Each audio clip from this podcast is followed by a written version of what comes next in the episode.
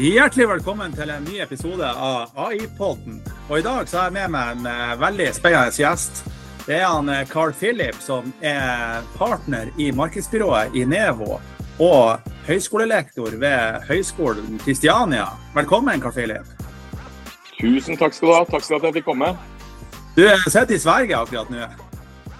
Ja, og jeg er på sommerferie. og sitter på kanskje litt sånn uh, varierende dekning, men uh, vi har jo Telia og Telenor med 4G og 5G, så det burde jo være ganske greit. Men uh, tydeligvis ikke. Ja, det skal jo, det skal jo gå bare fint. Så jeg hører deg klart og tydelig nå i hvert fall. Så det, det, det, virker veldig bra. Ja, men det er godt å høre.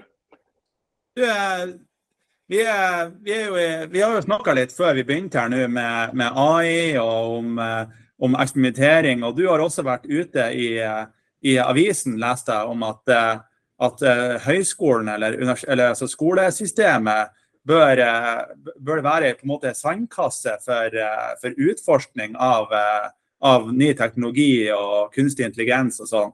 Kan, kan, du fortelle litt mer om du, hvilke erfaringer du har gjort deg der som, som på en måte en privat altså næringslivsmann inn i universitetssektoren? Eller skolesystemet, da? Ja, jeg, eh, jeg tror nok eh, sant, mye av innovasjon historisk sett har jo kommet fra skolesektoren. Eh, det at man har et, har et trygt miljø hvor man kan teste ut ideer, hvor man treffer unge folk, hvor man kan koble folk. Det er jo mange startuper som historisk sett har kommet ved, fram ved at uh, smarte folk har truffet hverandre på skolen. Så, så, så, man sitter jo i en ganske unik situasjon når man går på skolen. Uh, Google det startet jo liksom ut fra Stanford. Uh, det var jo et slags utdanningsmiljø hvor liksom, I starten så var de to, to personer, og så ble de 30. og det selv de var, da de var 30 personer, så var det jo et uh, litt sånn ph.d.-miljø hvor folk hoppet litt på ulike prosjekter, hvor de testet ut ting, uh, hvor de hadde det veldig gøy. Og mange sier jo at den beste tiden i livet, det er når man går på skolen. Uh, så, så skolene har jo en unik mulighet til å fungere som en slags sandkasse for innovasjon og nye ideer. Men det er jo ofte, er ikke ofte sånn at i, i, i skole, hvis du tar eh, både, både ungdomsskole og også videregående og, og, sånn, og jeg vet ikke, Det er vel sikkert litt samme på høyskole òg, men er, har man ikke ganske sånn eh, faste rammer som, som lærerne må, må, jobbe under? Som, som, at de nesten ikke får tid til å drive med på en måte kreativ frihet? Eller, eller er det annerledes på høyskole? og sånn? Jeg tror nok det varierer veldig fra fag til fag og, og lærer til lærer. Fordi det er jo viktig at uh, skoleverket har noen tydelige rammer som skaper forutsigbarhet og trygghet og tillit. Uh, men innenfor de rammene så ønsker man jo at innovasjon og kreativitet skal blomstre. Så det er jo noen utfordringer i skoleverket også. Det er jo, liksom, Hvis du tenker tilbake til Eh, eller når barn begynner på skolen, så er det jo fullt så er de jo fylt av liksom lærevilje og kreativitet og nysgjerrighet. Og etter hvert som man går igjennom eh, barneskolen, så er det jo ingen tvil om at eh, skolen i mange tilfeller dreper kreativitet. Og det er jo ikke, er jo ikke noe gøy eller det er jo ikke noe positivt at folk blir ført inn i en liksom Alle må gjøre de samme tingene innenfor de samme rammene. Man blir eh, evaluert liksom veldig rigid. Og, og det er ikke sånn man ønsker at uh, moderne utdanning skal være. Man ønsker jo liksom at studentene skal kunne utforske ting. De skal bli tvunget til å lære visse ting som liksom ikke faller naturlig, men så, det, så, så skal de få lov å, å, velge sin egen retning etter hvert. Og bli kjent med seg selv og, og lære ting som gjør at de kan, eh, kan ha et godt liv. Da. Absolutt. Det, det, jeg husker jo, jeg jobba jo litt som lærer eh, tidligere. og Da eh, husker jeg når jeg jobba på, på ei stor, vanlig ungdomsskole. så var det veldig sånn fastsatt. Da måtte man følge ukeplaner og samarbeide med de andre lærerne om, om ja, en felles plan, da, kan du si. Mens når jeg Mm. jobba på ei sånn spesialskole, der jeg på en måte hadde eh, tre, fire, fem, seks elever sjøl og kunne gjøre hva jeg ville, egentlig, så eh, gjorde vi masse gøy, og, og det var mye bedre undervisning. Og vi brukte Jeg tror faktisk nesten ikke vi brukte læreboka, verken i eh, matte eller samfunnsfag eller naturfag. Og, og bare var brukt eh, nettet og videoer. Og, og hadde det vært ChatGPT på den tida, så kan jeg garantere at vi har brukt mye tid på, på å sitte i det. Så det, Ja, ja. det, det som du sier, det er litt hvordan setting og hvordan, eh, altså hvordan frihet man som lærer får. Mm. Så Nei, jeg ble, jo, jeg ble jo på en måte lurt inn i, i eh, høyskoleyrket, eller lektoryrket, i, i 2012. Eh, og, og da begynte jeg å undervise sånn litt på deltid. Og så etter hvert så ble jeg introdusert for en som heter Arne Krokan. eh, som eh, underviser Han er jo ganske sånn anerkjent professor på NTNU. Eh, og han, jo, han har jo skrevet bok om delingsøkonomi og vært veldig langt fremme i, i, i den teknologiske utviklingen. Og vi underviste en klasse sammen i Ja, vi har gjort det i ti år snart. Eh, og det som er så interessant med han, er at han, han, han begynner å ha de studentene som jeg overtar. Og, og det han gjør i, i den klassen, det er at han forbereder folk, eller studentene, ved å introdusere dem for digital økonomi, hvordan teknologi påvirker samfunnet. Så, så han var en av de første som introduserte eh, studenter for bl.a. Kahoot. Eh, og han har jo ofte den teoretiske tilnærmingen hvor han oppdager trender ganske fort.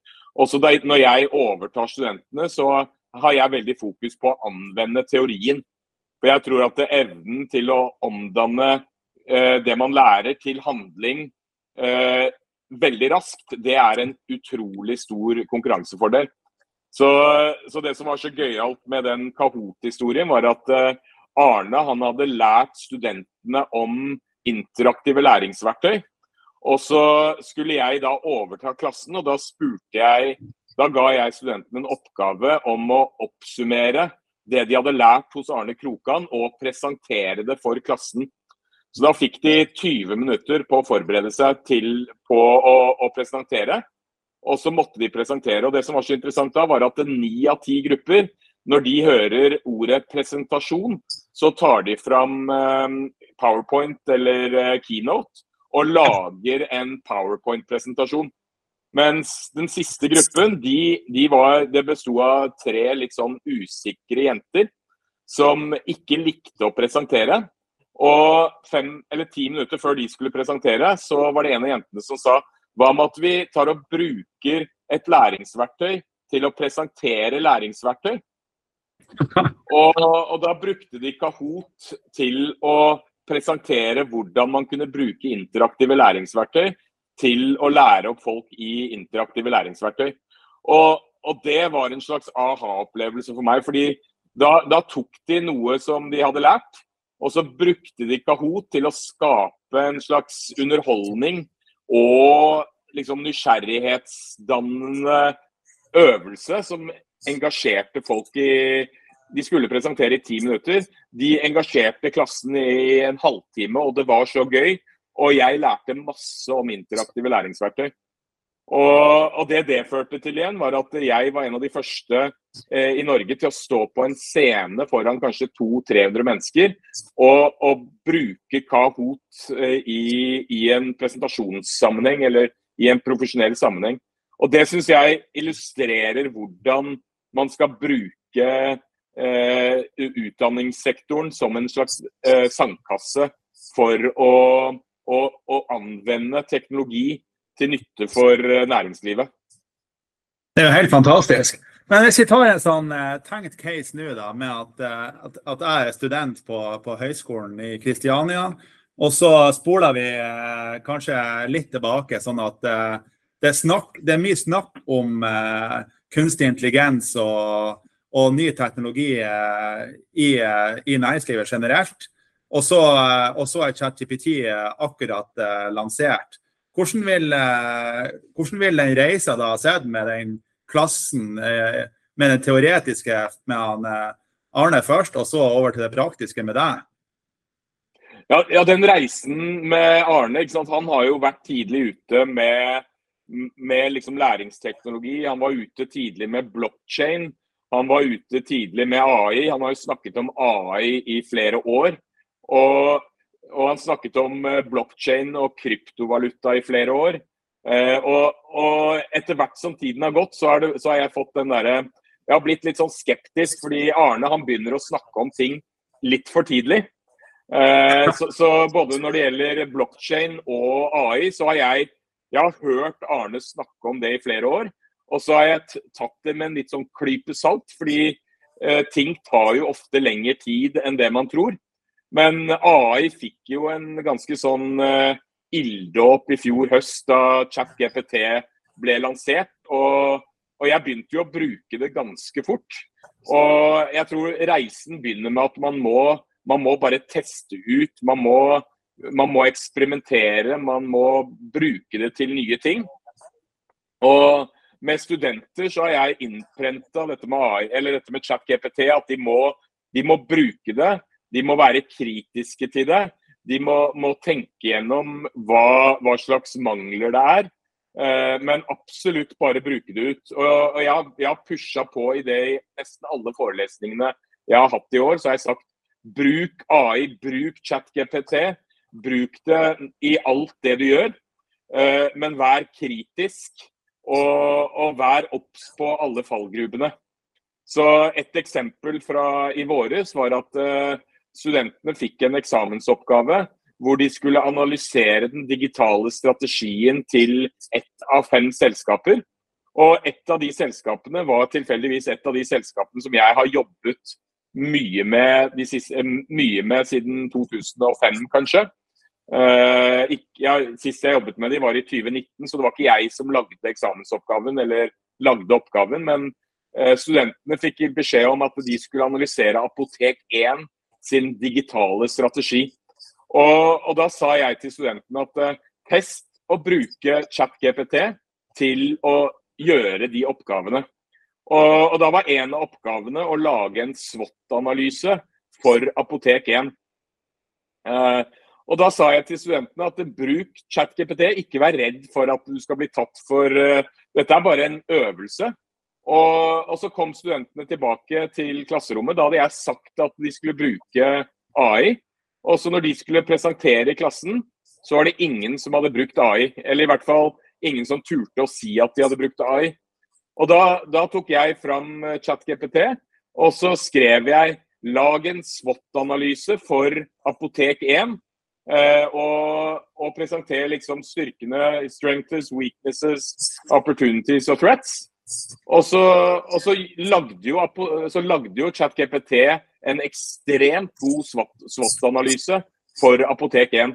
Og i og med at jeg da kjenner til det historiske rundt Apotek 1 fra helt fra 2005 og, og ganske mye aktuelt fram til 2019, så kunne jeg se at uh, ChatGPT gjorde en ekstremt god jobb med å lage en SWOT-analyse. og det, det, det, er jo noe som studentene da kunne brukt som utgangspunkt. Og så måtte de selvfølgelig gå gjennom og verifisere om det, informasjonen stemte. Men da fikk de strukturen, og de sparte sinnssykt mye tid på, på å lage det. Og så sannsynligvis så lærte de ganske mye om en SWOT-analyse også. Ja, det er jo akkurat det. Det er jo egentlig en sånn perfekt case. Jeg jobber jo som konsulent til daglig, og jeg bruker jo på akkurat samme måten for å på en måte effektivisere eh, min egen eh, ja, kan du kalle det hverdag, eller mine egne arbeidsprosesser.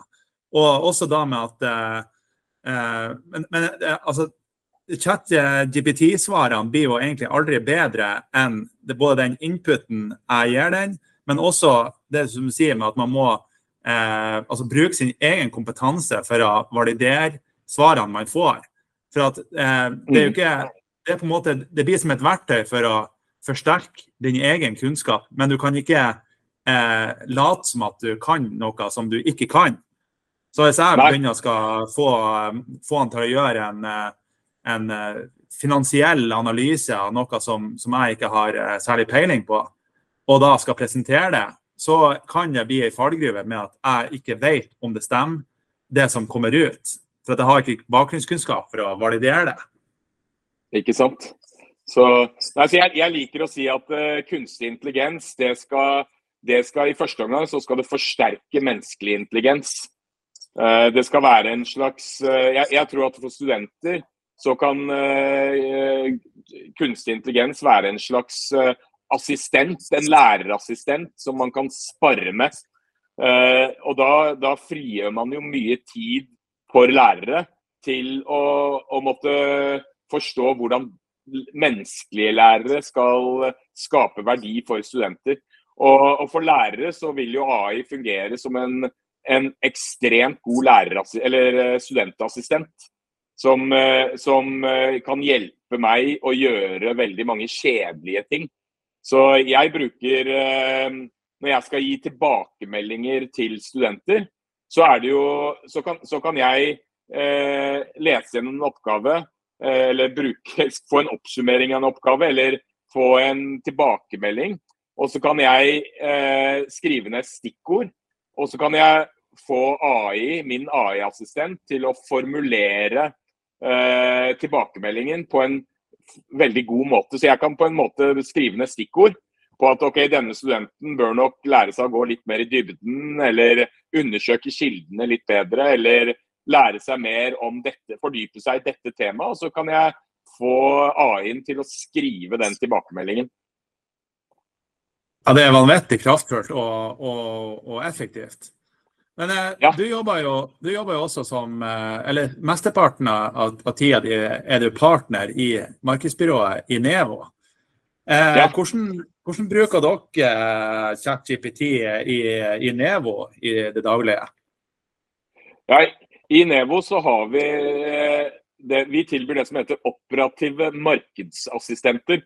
Og, og, da skjønner du kanskje sammenhengen mellom dette med å være en assistent, AI-assistent og en operativ markedsassistent. Fordi det finnes eh, veldig mange markedssjefer og daglige ledere der ute som eh, allerede i dag sliter litt, eller som egentlig har slitt med anvendelsen av ny teknologi de siste 20 årene. Og det, jo, det, var jo tidligere Google-sjef i Norge, Jan Grønbæk, som sa at alle markedssjefer over 40 burde ha en assistent som kan hjelpe dem med alt som har med ny teknologi å gjøre. Så, så det Inevos operative markedsassistenter gjør, det er at eh, de jobber ute hos bedrifter med operative ting eh, knyttet til digital markedsføring. Så hvis man eh, er en gründer og trenger hjelp til å få flere kunder, så må man lære seg å bruke Facebook, eller ikke Facebook, men alle disse nye kanalene selv. Eller så trenger man hjelp. Og, og, da er det jo greit å få en operativ markedsassistent som bare tar hånd om ting for deg, uh, og rapporterer tilbake. Så, så, vi er jo helt avhengig av at disse operative markedsassistentene ikke bare skal ha et solid fagmiljø å, å få backing fra, men at de skal lære seg å bruke ny teknologi før alle andre. Eh, så vi bruker, eh, eller Alle disse operative markedsassistentene bruker jo AI som en naturlig del av hverdagen. De bruker det til å svare på spørsmål, de bruker det til å, å gjøre research, til å strukturere dokumenter. Det er liksom det er, det er litt sånn som man, man brukte Google før i tiden. så var det liksom, Man brukte jo Google til alt. Men de, ja, ja. de, klarte jo ikke å bruke Google. Så det var jo først da studenter tok dette her Power Search-kurset fra Google, hvor de lærte seg faktisk å bruke Google i praksis. Så uh, Google er litt på samme måte som AI, at det blir ikke bedre enn det du gjør. Du, du stiller spørsmål på en god måte, så kan du få veldig mye svar fra Google. Ja, og, og så, så, de bruker det, de uh, markedsassistentene de bruker det til uh, å lage ja, SoMe-poster, søkemotoroptimaliserte tekster og, og, og, alt mulig sånne ting òg. Altså ren innholdsproduksjon. Ja, innholdsproduksjon. Og det er, det er, jo sånn man får også testa ut. Nå er det, jeg vet at det er én en i Nevo som heter Steven, som han, han, han, skriver mye innhold, og teamet hans skriver mye innhold. Og akkurat nå så driver han og tester ut, eller er nettopp ferdig med å teste ut uh, hva er det Google rangerer høyest. Et, inn, et inn, innlegg som er skrevet av et menneske, eller et innlegg som er skrevet av AI. Og jeg, jeg tror at i fremtiden så blir jo det, så smelter jo det sammen. Men uh, det er gøy å bare teste ut og se ok, hvordan er det Google sine algoritmer har forberedt seg på en eksplosjon av AI-innhold. Fordi AI-innhold uten menneskelig involvering er jo søppel. Eh, det er ja. søppel på internett. Så, så, du er avhengig av menneskelig påvirkning for å skape det beste innholdet. og Det er jo det den testen også har egentlig bevist. At Google, hvis, er, hvis, det er to innlegg, ett som, som, handler om samme tema, hvor ett er skrevet av menneske og ett er skrevet av AI, så, så vil det menneskelige innholdet til til dags dato fortsatt eh, ofte rangere høyere. Ikke sant. Det er jo, det er jo spennende å se også, for at eh, eh, altså artikler eh, Hva som helst egentlig som handler om med tekst å gjøre, SoMe-poster, karuseller og sånn, som man kan eh, produsere med, med ChatGPT, kan man jo også få til å eh, Man kan jo spisse tone of voice, og du kan jo spille på følelser. Du kan jo Eh, ja. Bruke storytelling-prinsipper og alt mulig. Men, eh, ja, ja. men, eh, så det blir spennende å se om hvordan alt, altså den på en måte revolusjonen av alt det innholdet matches mot det som er ekte. altså videoer av, av, ekte folk som, som, forteller sine ekte historier. Og, og altså, hva, hva, er, hva, hva, er, det folk vil konsumere? Hva er det folk vil bruke tida si på? Det er jo veldig spennende. Ja. Og det er jo, det er jo liksom, jeg, jeg, tror vi kommer til å se noen likhetstrekk med dette med redaksjonelt og kommersielt innhold. Eh, hvis, hvis, en, hvis f.eks. VG eller Aftenposten hadde blitt eh, tatt for å, å, å, skrive om ting fordi de blir betalt for, det, for, å skrive om det, så mister de jo litt troverdigheten og tilliten. Så, så, så jeg tror jo at uh, i hvert fall i starten nå, så tror jeg det er lurt hvis uh, man uh, innfører noen sånne regler hvor hvis det er innhold som er skrevet av AI eller ved hjelp av AI, så bør innholdet merkes med det. Bare for å sikre at det er troverdig. Og Det har jeg sett at VG har begynt å gjøre. At ja. De skriver oppsummering av saker, og så står det bare dette, denne oppsummeringen er laget ved hjelp av AI og kvalitetssikret av denne journalisten. Og Det tror jeg er veldig bra utvikling. Ja, det, det, Jeg har sett akkurat det samme sjøl òg. Og det, jeg har også tenkt det er ganske kult at eh, VG driver og kjører den varianten der. Og også er det veldig bra sånn, ja. Eh, at de skriver at det er skrevet av ChatGPT, men altså kvalitetssikra. Og det kunne man jo mm. for så vidt egentlig ha gjort sånn i næringslivet generelt også. at eh, Eh, la oss si at du skulle lage en SWOT-analyse for Apotek 1. Og så, så, kunne man jo bare Ja, man kunne jo for så vidt ha sagt at dette er laga av ChatGPT, men kvalitetssikra av eh, Carl Philip Lund. Det, ja, det tror jeg er en god idé. Det tror jeg absolutt ja. er en god idé. Og så er, er, det jo interessant det eksempelet med sjakk også. fordi sjakk har jo vært påvirket av kunstig intelligens. Eh, var det i 1997 eller 1998 hvor eh, hvor en datamaskin slo Gary Kasparov, og, og folk spådde at sjakk kom til å dø. Fordi nå, nå, er maskinene bedre enn menneskene. Men tvert imot, det som har skjedd, er jo at uh, sjakk har jo aldri vært så populært som det er nå. Uh, og, og, det er ingen mennesker, eller det er veldig få mennesker som sitter og ser på to maskiner spille sjakk mot hverandre. Selv om kvaliteten på sjakkspillet og liksom alt er jo egentlig kvalitetsmessig bedre hvis to, sjakk, hvis to maskiner spiller mot hverandre. Men, men, da mangler du liksom det menneskelige. Folk er ikke interessert i å se på to roboter spille sjakk. Folk er interessert i å se på to mennesker spille sjakk. Da er det kjempepopulært. og det, det tror jeg også vil gjelde når det gjelder AI. At uh, folk er mest interessert i å, å se mennesker og det menneskelige. Hvordan, altså, Deres markedsassistenter, de operative markedsassistentene, som er veldig langt framme i skoen, og som blir tvunget til å, til å være fremme i skoen på ny teknologi. Hvordan, hvordan trender ser de ute i næringslivet da?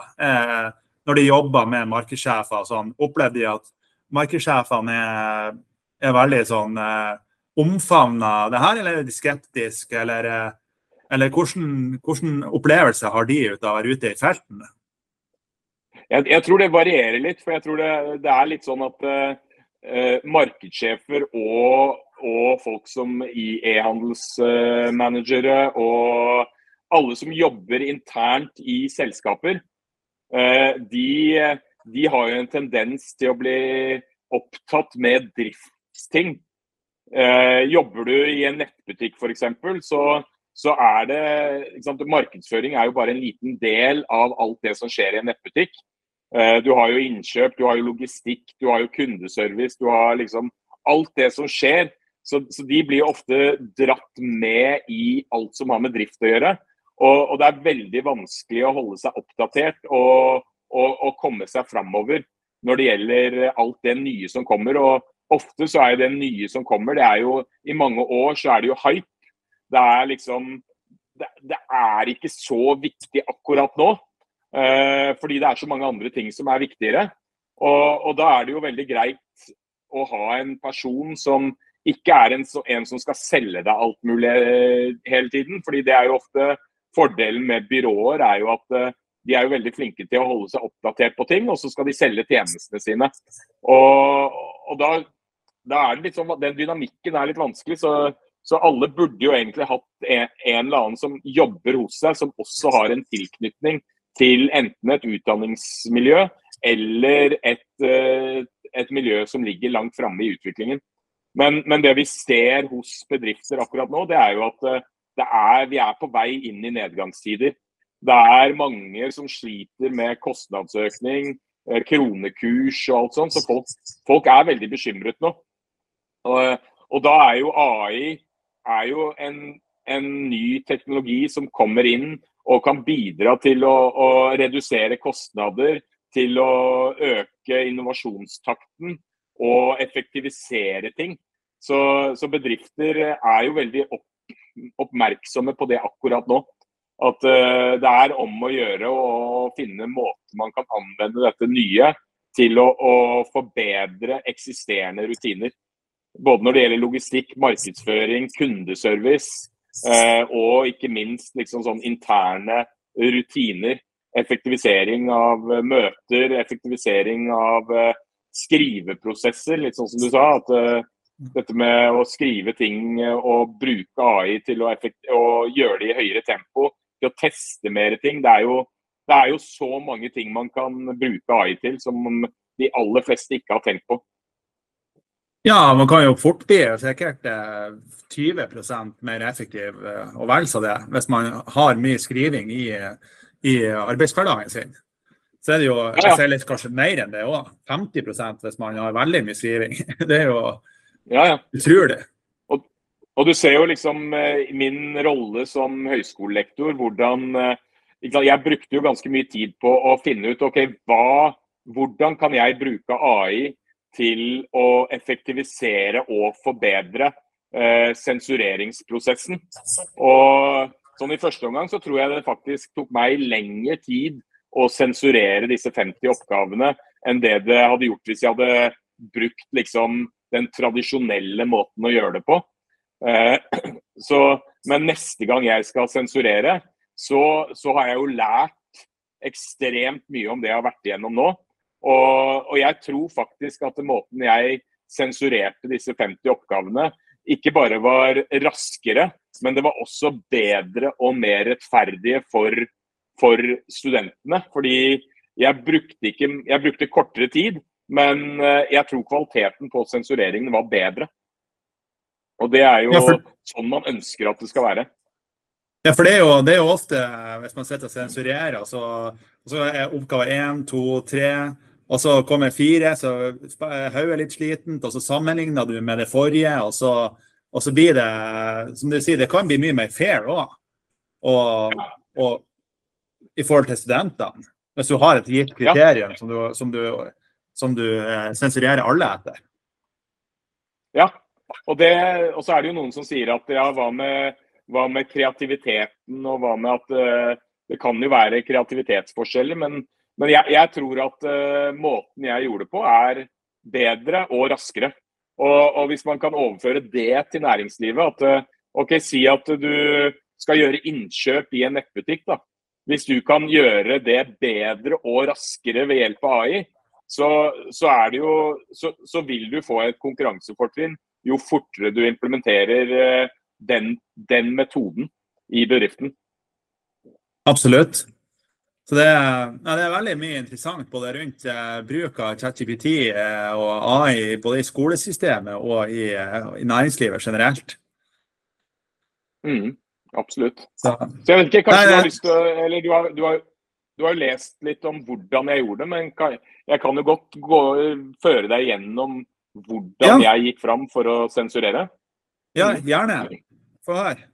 Det, nei, det, det, begynte jo med at uh, når man får 50 studentoppgaver som man skal sensurere, og det er i PDF-format, uh, så, så, har man jo valget. Skal man lese gjennom alle man, man må jo lage noen evalueringskriterier, og de har man gjerne fått som en del av sensorveiledningen.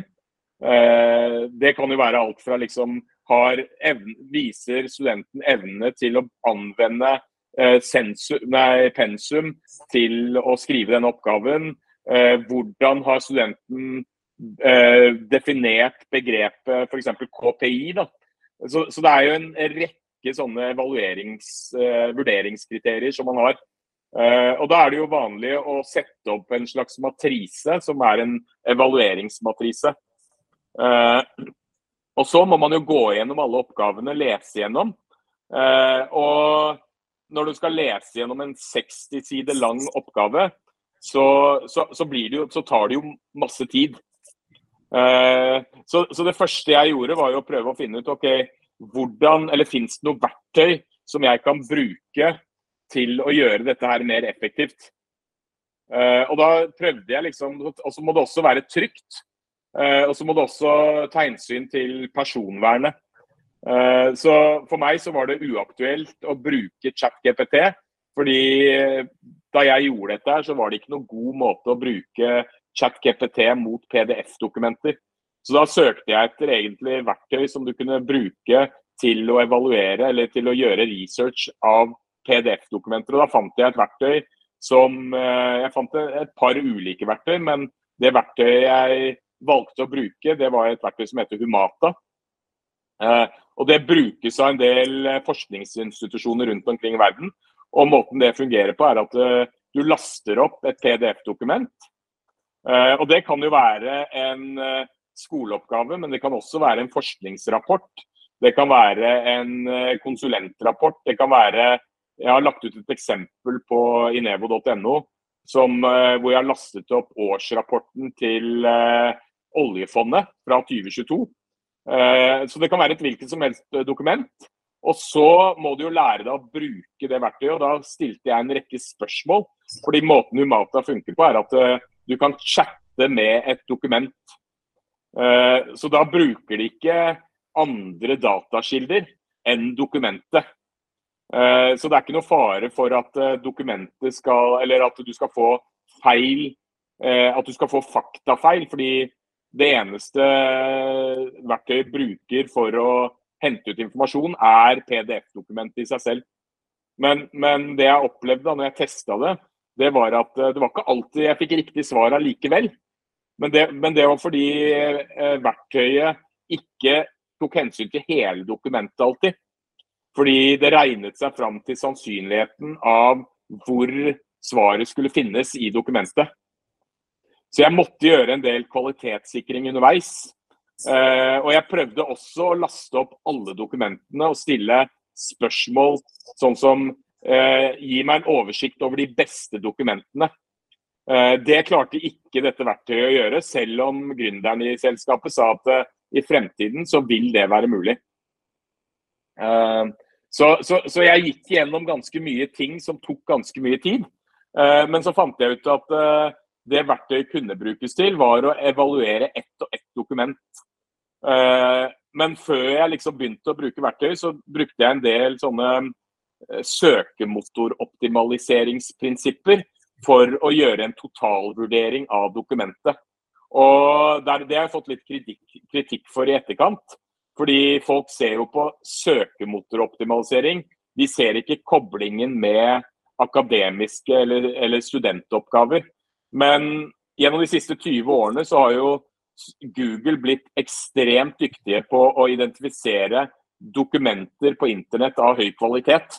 Fordi når du søker i Google, så har du tillit til søkeresultatet. Og, og Googles algoritmer det er jo, de, de er jo utviklet for å identifisere dokumenter av høy kvalitet. Og, og, da går jo Google og ser på liksom sånne ting som overskrifter. De går på struktur, de går på mm, liksom eh, retts, eller hvordan dokumenter er formatert. De går på visuelle elementer. De går på eh, billedtekster. Så, så, så, Google er ekstremt flinke på å definere eller identifisere kvalitet. Så, og bruk, De samme prinsippene brukte jeg til å skanne gjennom dokumentene og, og se om de, de, grunnleggende tingene er på plass. Er det en overskrift i dokumentet? Er det en god innholdsfortegnelse? Er innholdsfortegnelsen for kort eller for lang? Inneholder innholdsfortegnelsen eh, relevant, eh, relevante overskrifter? Eh, osv. Kildene i dokumentet, er de gode? henter studenten kilder, eller troverdige kilder. Eh, det var jo noen studenter som jeg så tydelig at de hadde gjort et Google-søk, og så hadde de klikket på en annonse som, da, som da ledet dem til et kommersielt dokument. Og de hadde brukt det som kilde. Og det, da, det kan jo hende at noen kommersielle dokumenter har høy troverdighet, men sannsynligvis så er ikke kommersielle dokumenter som har laget en annonse i Google, eh, er ikke de mest troverdige kildene. Så, så, jeg kjørte liksom dokumentet gjennom en sånn type prosess før jeg gikk på å vurdere liksom innholdet eh, fra et innholdsperspektiv. Da. Og da brukte jeg spørringer i Humata til å hente ut relevante deler av dokumentet som, som, jeg la inn i en matrise, sånn at jeg kunne vurdere liksom, kvaliteten på innhold fra et menneskelig perspektiv. Uh, og til slutt så, så, leste jeg gjennom alle refleksjonsnotatene manuelt. Uh, fordi det, det, følte jeg at eh, det refleksjonsnotatet som studenten skrev til slutt, det, det sier også veldig mye om hva de har lært om i prosessen, og hva de har lært av prosessen. Og ut fra, fra, de kriteriene der, så hadde jeg en vurderingsmatrise som jeg satt liksom individuelle poeng på, som jeg igjen oppsummerte og ga en karakter. Rått. Så det er egentlig prosessen i et nøtteskall. Ja. Og da, og da blir det, hvor, hvor mye mer prosent sånn cirka, mer effektiv tror du er nå neste gang når du bruker samme prosessen? Uh, jeg glemte én ting. fordi det jeg gjorde i forkant, var å, å gå gjennom en A-oppgave som uav, sensorer uavhengig av hverandre hadde gitt en A. Så jeg, så jeg lette etter signaler der som jeg igjen brukte i, i, resten av prosessen. Men eh, når det gjelder tidsbesparelser, så, så er det jo litt sånn der Hvis du skal lese gjennom en 60 sider lang rapport, så, så kan du jo sensorer som har, som har, gjort dette i mange år, de, man blir jo flink til å, å lese raskere. Man skanner jo gjennom et dokument, man leser jo ikke bokstav for bokstav. Det gjør man heller ikke i næringslivet når man skal lese en rapport. Men hvis du sier at uh, i gjennomsnitt da, så uh, kan du si at en, en sensor som tar, det tar ca. 30-60 minutter, jeg vet ikke helt gjennomsnittet, men si at det tar en sensor 30-60 minutter å lese gjennom en, eh, en ganske omfattende eksamensoppgave. Eh, så tok det meg etter hvert så tok det ca. Jeg, jeg, skrev i VG, eller jeg sa til VG at det tok i snitt 15 minutter å, å sensurere en oppgave. Men, men da tok jeg liksom hvis du, hvis du leser en elendig oppgave, så klarer du å detektere at det er en elendig oppgave ganske raskt. Uh, studenter som slurver gjennom hele liksom, hvis, du en, uh, hvis, du ser en, oppgave full av feilstavelser, så skal du ikke dømme studenten med en gang, men med moderne verktøy så kan folk med dysleksi og skrivevansker og det å få en person til å lese gjennom oppgaven, da skal du kunne eliminere ganske mange av de feilene ganske fort. Uh, så hvis du ser en oppgave som er dårlig, så trenger du ikke å bruke masse tid på å, å lete etter gullkorn. Det kan hende at det finnes en god idé der, men eh, det vil du identifisere ved hjelp av eh, de spørringene de gjør ved AI. Men sannsynligvis så er en student som slurver gjennom alle disse her grunnleggende elementene, de, de vil antageligvis også slurve med hele oppgaven. og da da, man, da, trenger ikke jeg som sensor å bruke masse tid på de. Så da brukte jeg veldig kort tid på de, mens de oppgavene som er fantastisk bra, det, det var noen oppgaver jeg brukte ganske lang tid på. Lenger enn uh, den tiden jeg bruker vanligvis på en oppgave. Fordi de, de, de har klart å gjøre det interessant. Selv om det er en standard oppgave, så har de klart å formulere seg på en interessant måte med gode ideer, innovative ideer. Og da er det jo naturlig å bruke mye mer tid på det. Så, men i, i, snitt så bruker jeg mye kortere tid. Jeg bruker kortest tid på de oppgavene som er dårlige. Og så bruker jeg lengst tid på de oppgavene som er gode. Og hvis min oppgave hadde vært å liksom hjelpe studentene videre også, så, så hadde jeg brukt mye tid på å gi studentene mye mer feedback. Eh, face to face til de gode. Og så vil jeg anbefale de dårlige studentene å bruke AI til å komme seg opp på et gjennomsnittsnivå. Og Det er der jeg tror AI har mest betydning. Det er å, å løfte dårlige studenter opp til et medium-nivå, og, og løfte medium-studenter opp på et fantastisk bra nivå. Og så kan vi bruke menneskelige tilbakemeldinger til å, å, å fungere som en mentor og diskusjonspartner for de studentene som har kommet seg enda et steg videre. De har gjerne brukt AI allerede. Ja, og de har jo gjort eh, oppgaven mye raskere òg, sånn at de får tid til å bruke tida si på, på enten å, å, gjøre den enda bedre, eller til å gjøre andre ting. Så, ja. og, så det er jo fantastisk. Jeg, så, jeg, så jeg liker jo å, å sammenligne liksom det å være student i et bachelorløp med det å løpe 10 000-meteren mot uh, uh, ja, på toppnivå. da. Og, og, de studentene som bruker AI, de, de, de starter på 5000-metermerket. Uh, ja. Istedenfor å måtte gjøre alt det grunnleggende. Og så, og så er det jo sånn at i, i, kampen om jobber i fremtiden, så er det de siste 5000 meterne som er de viktigste. Så, så hvis vi kan løfte alle studenter opp til å få en tjuvstart, ved hjelp av AI, så er jo det fantastisk for, eh, for utdanningssystemet. Absolutt. Det har vært eh, veldig interessant å prate med deg, Carl Philip. Og mange gode refleksjoner rundt eh, både utdanningssystemet og men også hvordan næringslivet kan ta i bruk eh, AI. Så jeg setter veldig stor pris på tida di og at du har lyst til å være gjest i, i AI-poden til KPB og Co. Ja. ja, kjempehyggelig. Så får du ha, får du ha en riktig god eh, ferie i, eh, i Sverige, og så, så, snakkes vi sikkert mer etter hvert. Det gjør vi. Veldig hyggelig å være gjest, så snakkes vi.